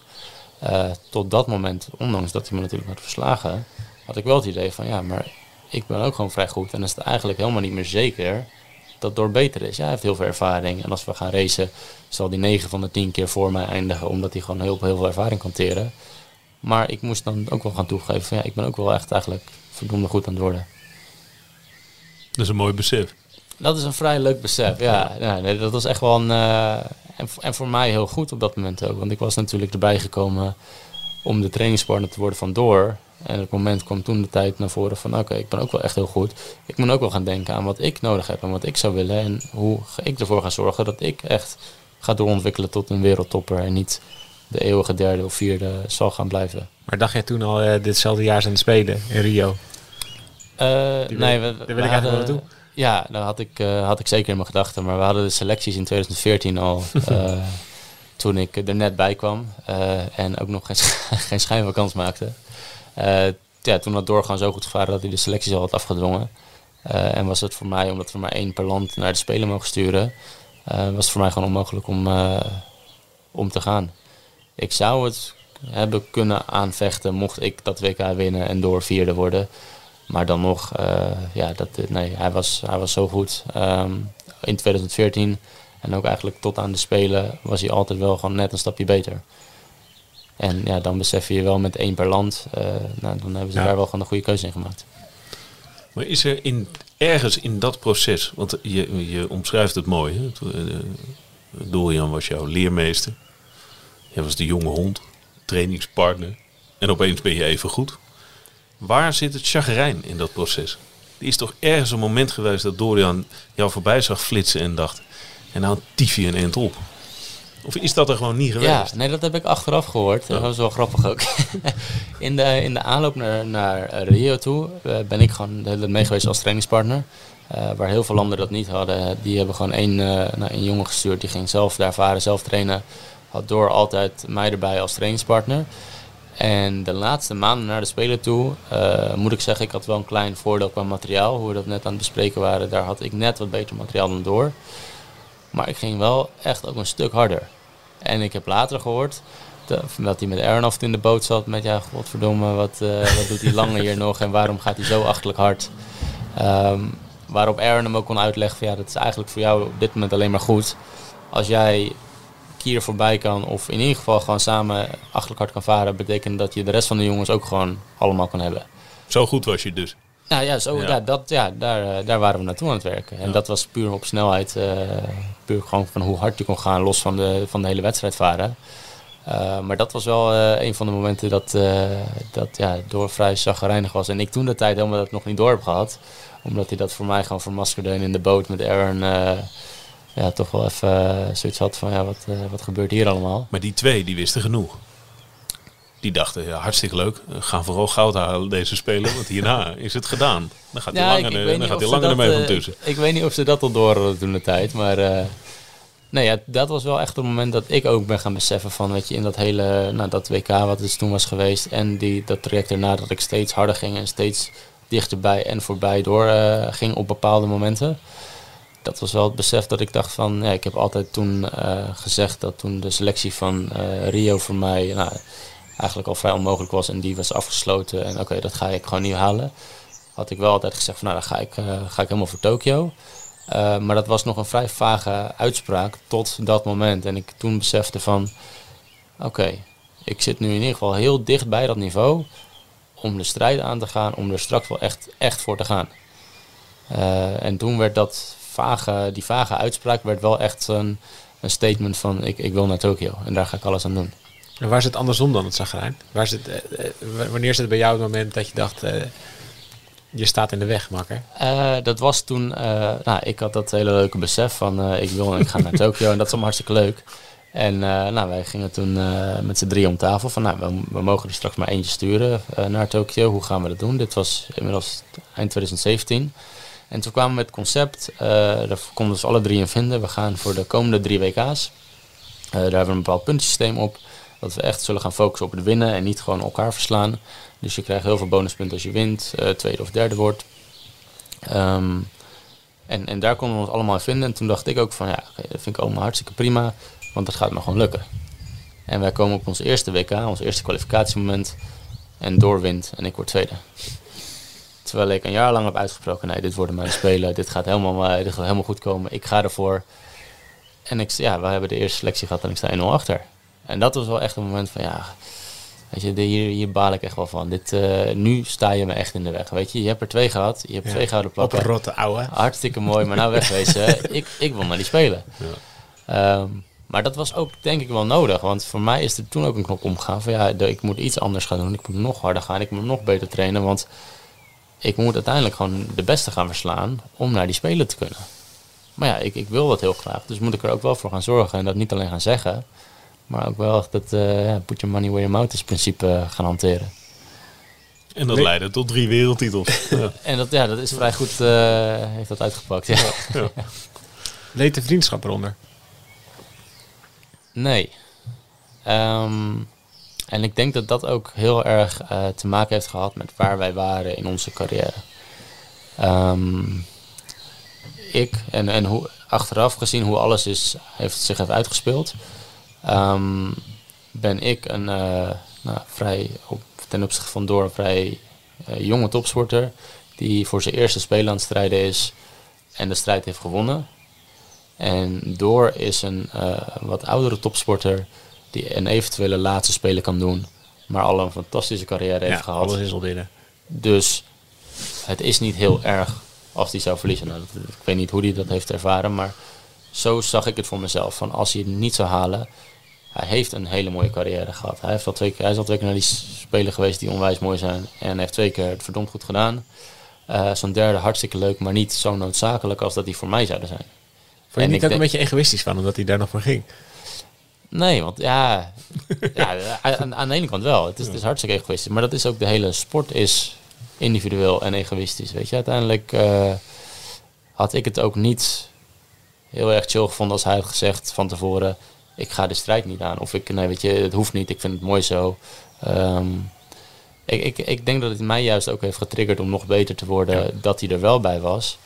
Ehm, omdat ik toen wel echt het besef kreeg van ja, ik moet nou echt een stap erbovenop doen. En als hij er niet was, was de kwalificatie in principe al binnen. Omdat er degene achter mij net zo'n gat had als ik met Door in het begin. Dus die was echt nog niet klaar.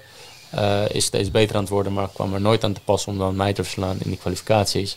En als ik Door niet had, had ik het principe kunnen hebben van ik ben er al. Ik kan naar zo'n Olympische Spelen. En dit heeft me wel echt gepusht tot, ja, tot het uiterste. Want het zou niet zo makkelijk gaan worden als dat, eh, als dat ik had gedacht. Deden jullie aan psychologische oorlogsvoering onderling? Nee, nee dit, en ik, ik probeer dan te denken aan hoe zou dat eventueel kunnen, maar ehm, of, of wat zou een moment zijn geweest dat het wel heeft plaatsgevonden. Maar ik, ik denk dat ik, bij mij zit dat niet in mijn karakter en ik denk bij Door ook niet. Of ik heb het nooit zo ervaren. Misschien was hij er wel mee bezig en heeft gewoon geen invloed op me gehad. Maar als je nou, stel, je, je, hebt net helemaal uitgelegd van die zeilen en allemaal. Je hebt één heel goed zeil. En je gaat naar het WK waar jullie allebei je moet kwalificeren voor Tokio. Wie krijgt dan het goede, wie krijgt dan dat ene beste, aller, allerbest geteste zeil? Steenpapier schaar. Steenpapierschaar. Ja, Letterlijk. Ja, nee, dit is wel eens voorgekomen. Dus, eh, ja, we hebben één keer, eh, ja, gewoon, eh, ja, wie, wie het langste eind trekt, krijgt dit zeil. Maar weet je, het zeil, ehm, ik, ik was daar altijd wel vrij comfortabel in door mijn techniek en door mijn snelheid. Ehm, en misschien is dat wel psychologische oorlogvoering, dat ik kon zeggen, door, neem jij maar het allersnelste zeil. Ik vind het oké om eentje minder te hebben. of neem jij deze maar... Ja, Dat geen psychologische oorlogsvoering noemt. Nee, maar ik, ik, ik vond het best oké. Ik kon dat zeil ook gewoon voor mijn doen vrij hard laten gaan. En voor mijn techniek zou dat misschien zeg maar, net zelfs een stukje beter, eh, of tenminste, ik, ik kon er goed mee overweg met hoe dat zeil dan zou reageren. Ehm, maar ik, ik denk dat dat het dichtste bij eh, psychologische oorlogvoering komt wat we hebben gehad in, eh, in de afgelopen jaren. Ik denk dat dat de psychologische oorlogsvoering met een prachtige Ja, streep rode strik. Heel subtiel. Neem jij maar Nee, nee, dat nee. beste zeil. Maar die steenpapier schaar moet je ook even uitleggen. Dan heb je letterlijk om een zeil gesteenpapier schaart. Nou, ik weet niet of het echt, maar dat principe van we gaan er Ja, ja. loten. Eh, ik, ja, er waren eh, twee zeilen dan eh, van, van nummers en ik wist welke de beste was. En ik zei van nou door, je mag kiezen tussen twee of vijf. En hij wist niet welke dan beter zou zijn dan de andere. Ik wel, maar dan mocht hij kiezen. En dan zo was ik aan het hopen. Ik hoop dat hij niet vijf kiest, maar twee. En hij zat alleen maar te denken, ja, maar ik moet er één kiezen, ik heb geen idee. Ja. Ehm dus Kreeg- zo, ja, een beetje wel onwetend. Kreeg je Eh, toen het goede? Eh, ik heb een paar keer de goede gehad. Ik heb ook een paar keer de wat Oh, dat gehad. gebeurde gewoon Ja, echt eh, met regelmaat. Oh, oké. Ja. En we hebben ook een keer gehad dat we een hele nieuwe, eh, nou, we noemen het een badge, een aantal zeilen kregen. En die gingen we allemaal nummeren. En hij kreeg de, hij kreeg de even en ik de oneven. En, en zo gingen we daarmee testen dat ik uit de oneven getallen de beste ging vinden en hij uit de even getallen. En als er echt een groot verschil zat, ja, dan mocht hij een oneven hebben of ik een even. Ehm, maar ja, vaak deden we daar niet zo heel moeilijk over. Hij maakt nu nog steeds deel uit van je team. Ja, op, op mindere mate wel. En dat door de hele de situatie die gaande is eh, in de wereld. Eh, ideaal gezien had hij er gewoon helemaal bij geweest. Eh, we waren de Spelen al geweest. Had hij de laatste vier maanden die we nog hadden te gaan, had hij gewoon ja, fulltime meegetraind. Ehm, Maar dan had hij dus meegetraind voor jou ja, om hetzelfde terug te doen als wat jij ja, in het verleden... ja, gewoon om, om toch wel weer die, die confrontatie in zo'n trainingsscenario aan te gaan. Dat ik echt, echt mijn best moet doen om überhaupt een training te overleven. Mis je hem?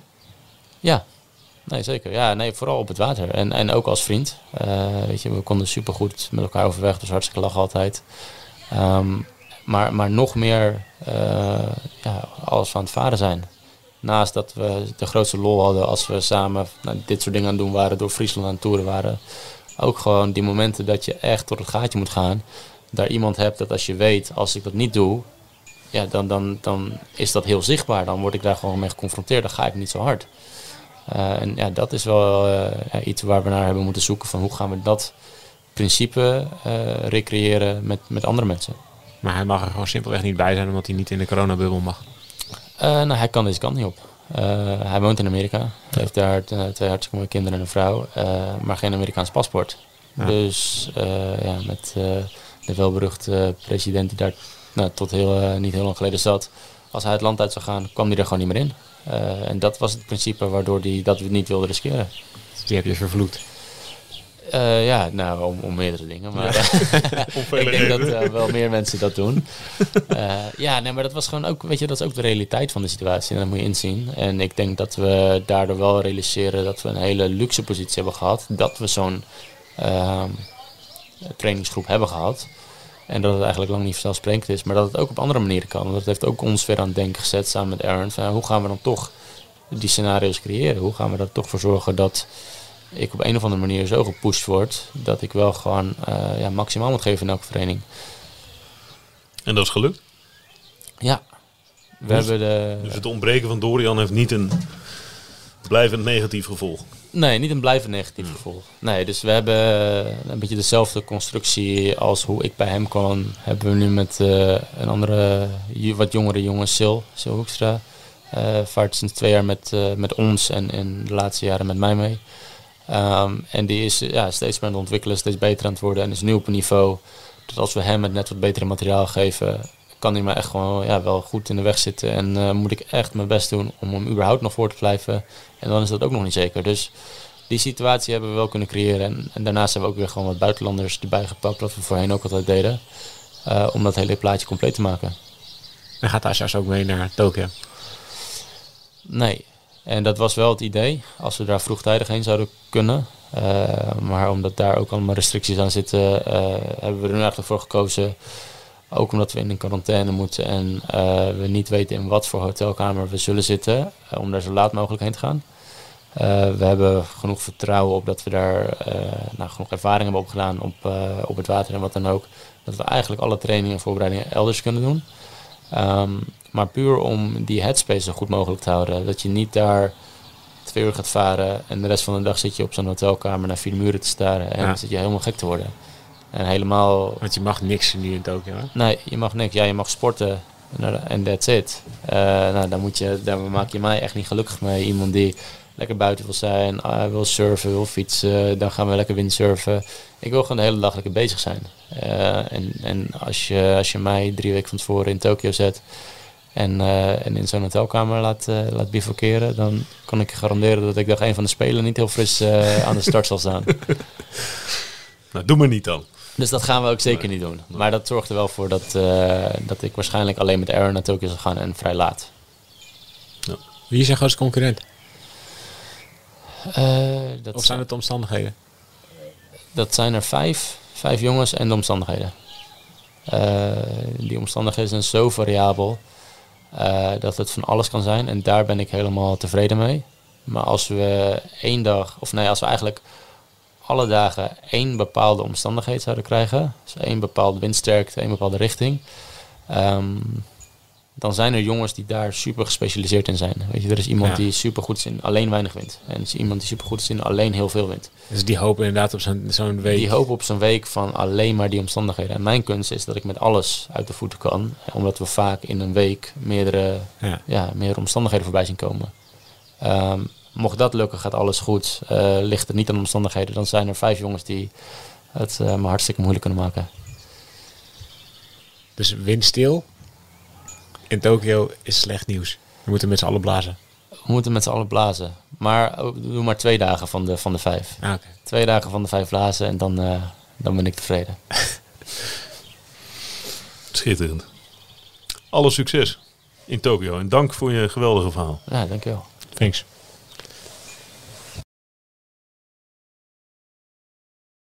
We worden dagelijks overladen met overbodige informatie. En het is moeilijk de zin van de onzin te scheiden. Daarom vertrouw ik op echte journalisten in plaats van meningen. Een krantenmens heeft het gemakkelijk. Word ook een krantenmens en lees je favoriete krant nu tot al zes weken gratis. Ga snel naar krant.nl. Bezorging stopt automatisch en op deze actie zijn actievoorwaarden van toepassing.